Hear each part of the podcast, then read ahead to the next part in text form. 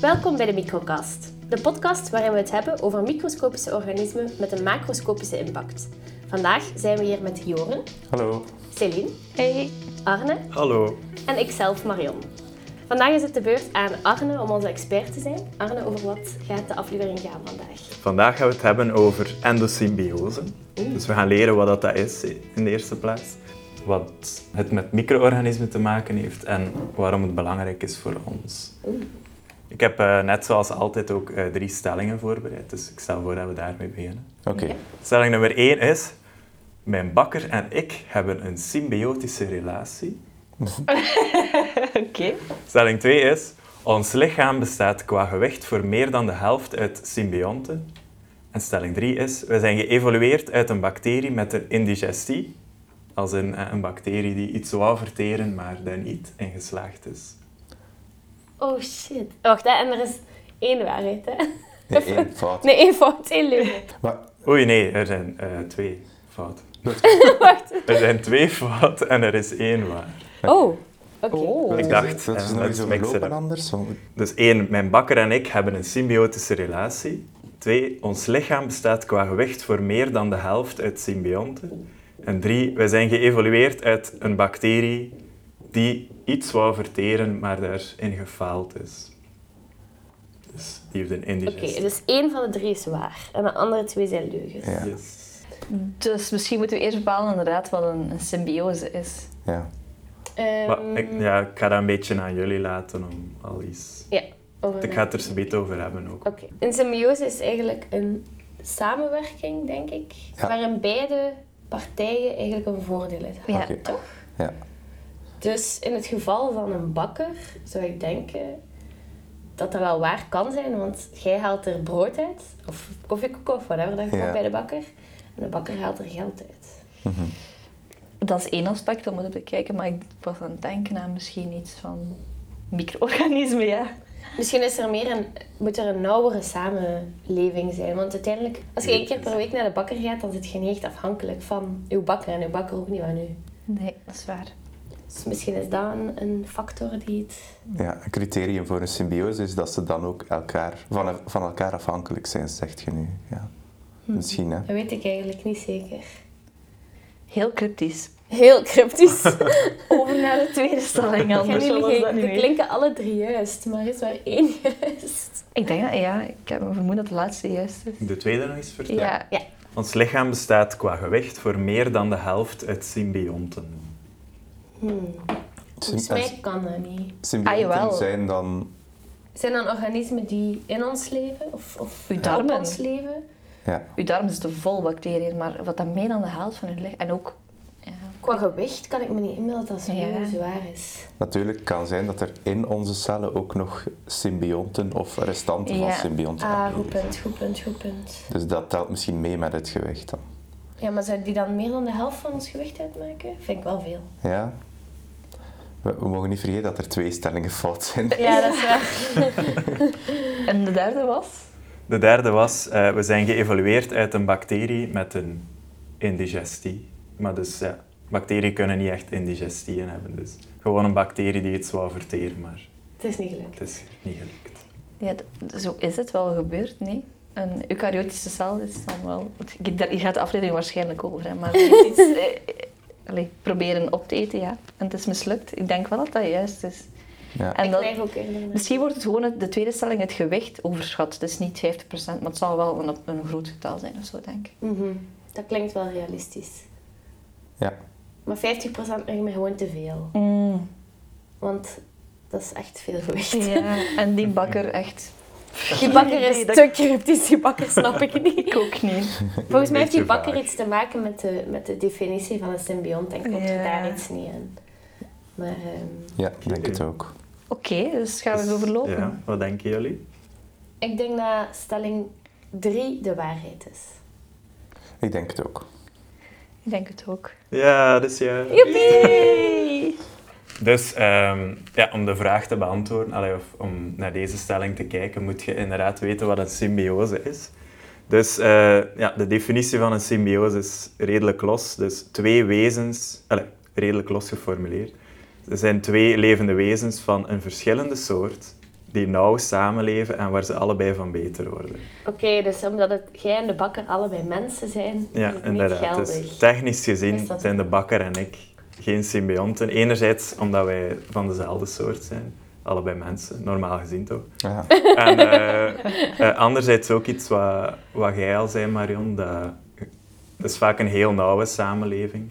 En de bakker en jij, die samenleving is niet zo nauw en je zit er ook niet zo afhankelijk. Oké. Dat is iets dat eh, vaak sterker is bij echte symbioses. Maar als uw bakker een alien is, Ja, dan... En je hebt er een heel nauwe Je hebt er, je relatie er elke dag een taartje het als symbiose? Oké. Maar ik heb de stelling erin gestoken omdat de bakker en mezelf is wel een goed voorbeeld van wat een symbiose eigenlijk inhoudt. Dus zoals jullie ook al zeiden, je haalt er wel allebei een voordeel uit. De bakker geeft je brood en hij geeft geld eh, in de plaats. En dat is ook hoe dat symbioses in het echt werken. Dus er is altijd een soort ruil tussen de twee levende wezens die deelnemen aan de symbiose. Mhm. Dus ja, bekende voorbeelden zijn eh, bijvoorbeeld in Finding Nemo, clownvis, dus Nemo en zijn vader, en de anemoon waar dat zijn leven. De anemoon beschermt de clownvis en de clownvis, ja, die kuist de anemoon zowel, Ja. eet parasieten van de anemoon op. Ah ja. Ook een leuke zijn eh, mieren en bladluizen. Dat is een die je in je eigen tuin ook kunt zien bijvoorbeeld. Mieren gaan vaak zo van die kuddekes bladluizen hebben die ze gaan verzorgen en waar ze, allee, die ze gaan beschermen tegen roofinsecten. En de mieren krijgen dan van de bladluizen een soort ja, zoete eh, afscheiding dat die maken. Als die plantensap drinken, dan geven de blad, bladluizen Ja. een soort sap af zelf ook en dat eten de mieren dan ook. Mm. Dus de mieren melken de bladluizen. Die hoeden dat zo'n beetje als een kudde. Zoals wij bij koeien doen. Ja, Ja. Eigenlijk wel. Dus is dat dan een symbiose? Dat is een symbiose inderdaad, omdat ze allebei eh, voordeel hebben. Dus ja, naast symbiose zijn er nog andere manieren van samenleven ook. De bekendste is waarschijnlijk parasitisme. Dus hierbij hadden een samenleving hebben, maar de ene haalt er voordeel uit en de andere heeft er nadeel van. Terug naar de bakker. Stel dat je zijn brood niet zou kopen, maar het gewoon zou stelen. Dan zit jij... Dan zit jij een paras- parasiet voor de bakker. Ja. Jij hebt er voordeel aan en de bakker is zijn brood kwijt. En ja, er zijn ook een, eh, een paar leuke voorbeelden van. Bijvoorbeeld de. Dat is iets dat veel mensen wel kennen. Die eet onze voedingsstoffen op in de darmen. En ja, wij hebben daar niets van. Wij, wij hebben daar geen voordeel aan of zo. Enkel nadeel. En muggen en luizen tellen ook als, als parasieten. Ja. En eh, om dan wat de link te beginnen maken naar micro-organismen. Eigenlijk zijn bacteriën of virussen die ons ziek maken, zijn ook een soort parasieten. Want het voordeel voor hen is dat zij zich in ons lichaam kunnen voortplanten en zo. En ons nadeel is natuurlijk dat wij ziek worden. Mhm. Dan is er nog een derde soort relatie, die is minder bekend en komt iets minder voor, dat is commensalisme. En dat is als er één voordeel heeft en de ander heeft geen voor- of nadeel. Dus hierbij was het wat moeilijker om een voorbeeld met de bakker te bedenken. maar stel dat bijvoorbeeld, dat hij bijvoorbeeld oud brood wegsmijt en jij gaat s'nachts in zijn vuilzak oud brood gaan stelen. Dan heb jij brood, maar hij heeft daar er geen last van of zo. Nice. En in de natuur ja, heb je dan bijvoorbeeld aaseters of zo, dus dat is iets gelijkaardig dan. Aaseters zijn eh commensaal. Het is ook een bepaald soort vissen, de remora-vissen. En die plakken zo van onder aan walvissen of ja, haaien ja, en die liften dan zo mee. Maar de haai heeft er eigenlijk geen, eh, geen last van. Dus dat zijn ook commensalis, commensalische organismen. Ja. Dan eh, stelling 2. Ons lichaam bestaat qua gewicht voor meer dan de helft uit symbionten. Dus eh, dat deel je ook juist, die was fout. En jullie hebben juist gezegd dat die fout was. Ja. Waar dat je inderdaad eh, het, het eerst aan denkt bij die stelling is aan ons, het microbioom in onze darm. Mhm. Dus onze darm zit vol met bacteriën die wij nodig hebben om, om ons eten te verteren en om te overleven. Dus wij hebben daar een symbiotische relatie mee, want zij krijgen in onze darm een soort, ehm, een soort plaats waar ze kunnen leven of zo. Die zitten daar ook beschermd van voor de buitenwereld. En ook voedingsstoffen uit ons eten. Ze krijgen de voedingsstoffen van ons eten en wij krijgen dan bijvoorbeeld eh, bacteriën in onze darm zijn verantwoordelijk voor vitamine K-productie. Dus dat zouden wij niet kunnen maken zonder onze bacteriën. Mm. Dat is een belangrijk vitamine, dat zorgt voor bloedstolling. Dus ja, dat is een symbiotische relatie dat we daarmee hebben. En nu, ehm, het is eigenlijk, de stelling is fout, maar het hangt er wel vanaf hoe dat je het meet. We hebben meer bacteriële cellen in onze darmen zitten dan dat we menselijke Menselijk. cellen zijn. Wow. Dus op dat vlak zijn we wel meer bacterie dan, Oh. dan mens eigenlijk. Oké. Wow. Maar omdat bacteriën zoveel kleiner zijn dan onze cellen, gaat een gewicht veel lager uitvallen. Ja. Dus qua gewicht, eh, ze schatten dat voor een mens van 75 kilo, dat er 200 gram tot 2 kilo bacteriën in zitten. Als jij nu meer bacteriële cellen hebt dan menselijke cellen en jouw bakker heeft dat niet, kunnen jullie dan gerekend worden als twee verschillende organismen? Oeh, Omdat je meer bacterie bent dan mens? Oké. Hoe identificeren wij ons als bacterie of als mens? Misschien moet iedereen voor zichzelf dat uitmaken. Ja, of, ja, we judgen ja. niet. Hè. We judgen niet.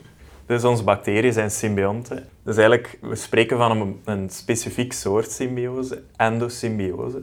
En bij endosymbiose gaat je, in plaats van gewoon samen te leven, gaat een van de twee wezens of levende wezens in het andere gaan, gaan leven. Oké.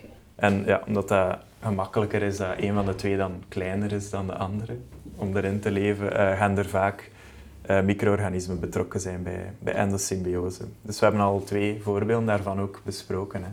De mycorrhiza en de rhizobia. Dus dat is een schimmel en... eh, Mycorrhiza zijn schimmels, rhizobia zijn bacteriën die in de wortels van planten leven.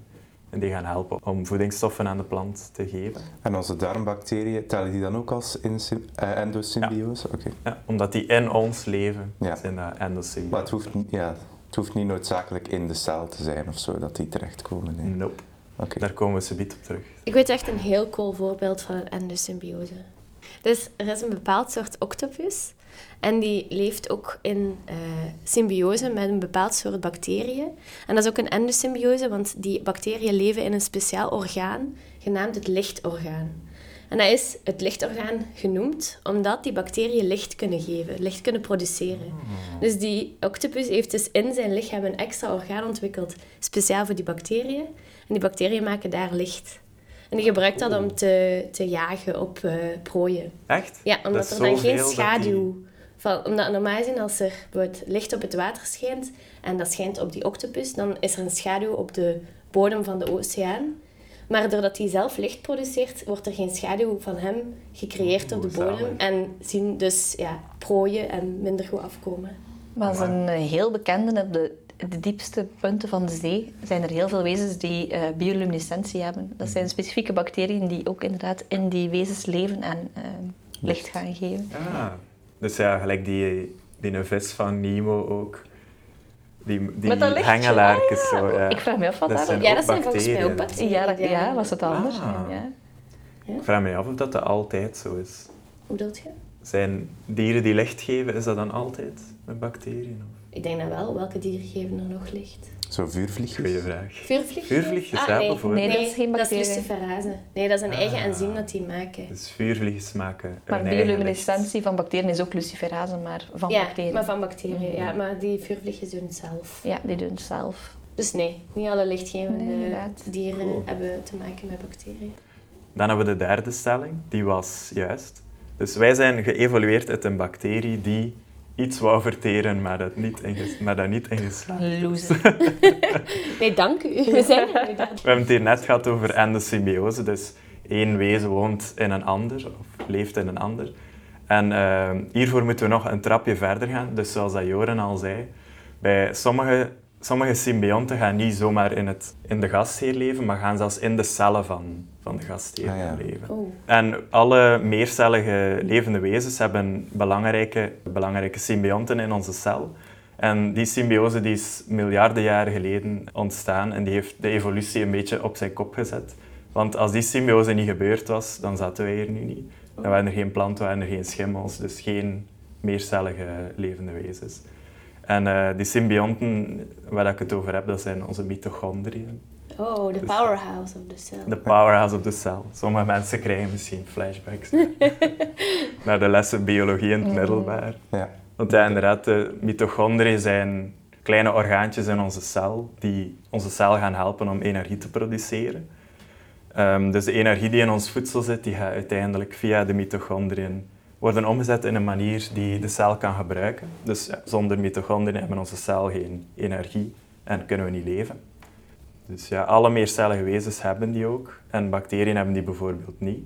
Dus ergens doorheen de evolutie, als wij van bacterie naar eh, meercellig levend wezen geëvolueerd zijn, moet dat ergens ontstaan zijn. Mhm. En eh, dat is heel lang een mysterie geweest van ja, waar zijn die mitochondriën nu juist vandaan gekomen.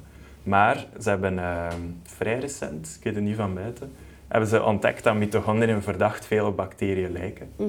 Want mitochondriën hebben een eigen eh, voorraadje van DNA bijvoorbeeld. Mm. En eh, als onze cellen zich delen, moeten de mitochondriën zich ook delen, om, ja, zodat iedere cel eh, zijn eigen mitochondriën meekrijgt uiteindelijk. En als de mitochondriën zich delen, dan doen zij dat ook op een manier die heel hard lijkt op de manier waarop Bacteriën. bacteriën zich gaan delen. Mm. Dus eh, wat denkt men nu dat er gebeurd is? Dus eh, heel lang geleden, dus net zoals dat er roofdieren zijn die overleven door andere dieren op te eten, heb je ook bacteriën die andere bacteriën opeten, dus een soort roofbacteriën. En heel lang geleden moet er zo een roofbacterie geweest zijn, en dat is dan onze verre voorouder, die de voorouder van de mitochondriën heeft opgegeten. En in plaats van die te verteren, is die daarin blijven zitten. En heeft die voorouder van de mitochondriën, is die gewoon blijven doen wat dat hij daarvoor deed. En is die blijven energie maken, ehm, die onze vooroudercel dan kon gebruiken. Ehm, en zij halen daar ook allebei voor, eh, voordeel uit. Dat was een symbiose. De mitochondriën waren beschermd tegen andere roofbacteriën. En onze voorouders hadden een, een klein intern energiefabriekje die dan energie maakte, maakte voor hen. Ja. Dus ja, terug naar de, de analogie met de bakker. het is alsof dat wij kleine bakkertjes zouden opeten. en in plaats van die te verteren, blijven die gewoon broodjes maken in ons buik. Oh. En ja, blij, allee, men denkt dat het ontstaan van de mitochondriën dat dat iets geweest is waar zonder dat wij het niet meer cellen hadden kunnen worden. Mhm. Want in plaats van één cel die energie produceert, heb je plots een cel waarin dat tientallen mitochondriën zitten die veel energie kunnen produceren. En omdat we dan meer energie konden produceren, konden onze cellen ook veel groter worden. En grotere cellen, dan, dat helpt bij het aanmaken van bepaalde eiwitten of chemische stoffen die onze cel toelaten om dan complexere structuren te gaan vormen en beter te communiceren met elkaar en zo. Dus als onze voorouder, de voorouder van de mitochondriën, had verteerd en gewoon was blijven jagen, dan waren we nu geen meer cellige wezens geweest. Dan waren wij ook nog altijd gewoon bacteriën. Arne, ehm, is het juist dat chloro- chloroplasten, wat dat wij niet hebben, maar planten wel, is hetzelfde als mitochondriën geweest? En dat is ook plantcellen zijn ontstaan? Dat is zeker juist. Oké, tof. Dat is zeker juist, ja, inderdaad. Dus in de evolutie is dat nog een tweede keer Ja. gebeurd. Wat eigenlijk gek is dat dat zo twee... Dat dat twee keer kan gebeuren. Dus. Ja. Dus de bladgroenkorrels of de chloroplasten in de cellen van de plant zijn ook zo ontstaan. Dat waren eerst cyanobacteriën Ja. of zo. Die dan de eerste plantencellen ook Ja. hebben opgegeten en dan Het, is daar niet dat, verteerd hebben. het is daar dat licht wordt omgezet in energie. In, in plaats van suikers in de mitochondriën die omgezet worden Ja. in energie, Ja. is licht. En ja, omdat planten aan fotosynthese doen. Ik vind dat jammer dat wij dat niet En, kunnen doen. Er zijn, eh, om terug te komen op die bladgroenkorrels, er zijn bepaalde eh, zeeslakken die nu wieren kunnen eten of algen kunnen eten. En die kunnen de bladgroenkorrels uit die algen halen. Wow. En die dan gebruiken om zelf fotosynthese Wauw. te doen. Die Ja. doen dat gewoon. ja, die doen wat, dat jij, wat dat jij zou willen eigenlijk. Dus dat is gelijk echt zo een bladje dat drijft. En, eh, die, zijn echt zo, die hebben de vorm van een bladje. Oh. Een beetje, een beetje, een klein beetje. En die zijn groen ook. En die maken, die doen fotosynthese ook. Cool. Maar, maar het zijn nog dieren. Ja, Ja. het zijn nog dieren. Het zijn nog slakken. Ja. Dat noemt kleptoplastie trouwens. Chloroplasten stelen. Ah. Klepto van stelen. Ja. ik heb een hele existential crisis nu van wie ben ik eigenlijk. Wie ben ik? Wat ben ik? Wil ik een bakker in mijn lichaam? Dat zou wel handig zijn. Oké, super. Dank u wel Arno om het voor te bereiden. Graag gedaan. Het was heel interessant. Ja. Ja, echt. Ja, top. En bedankt om te luisteren. Fan van de Microcast? Zoek ons dan zeker eens op op Twitter, Facebook en Instagram. Voor meer weetjes en om nieuwe afleveringen zeker niet te missen. Tot dan!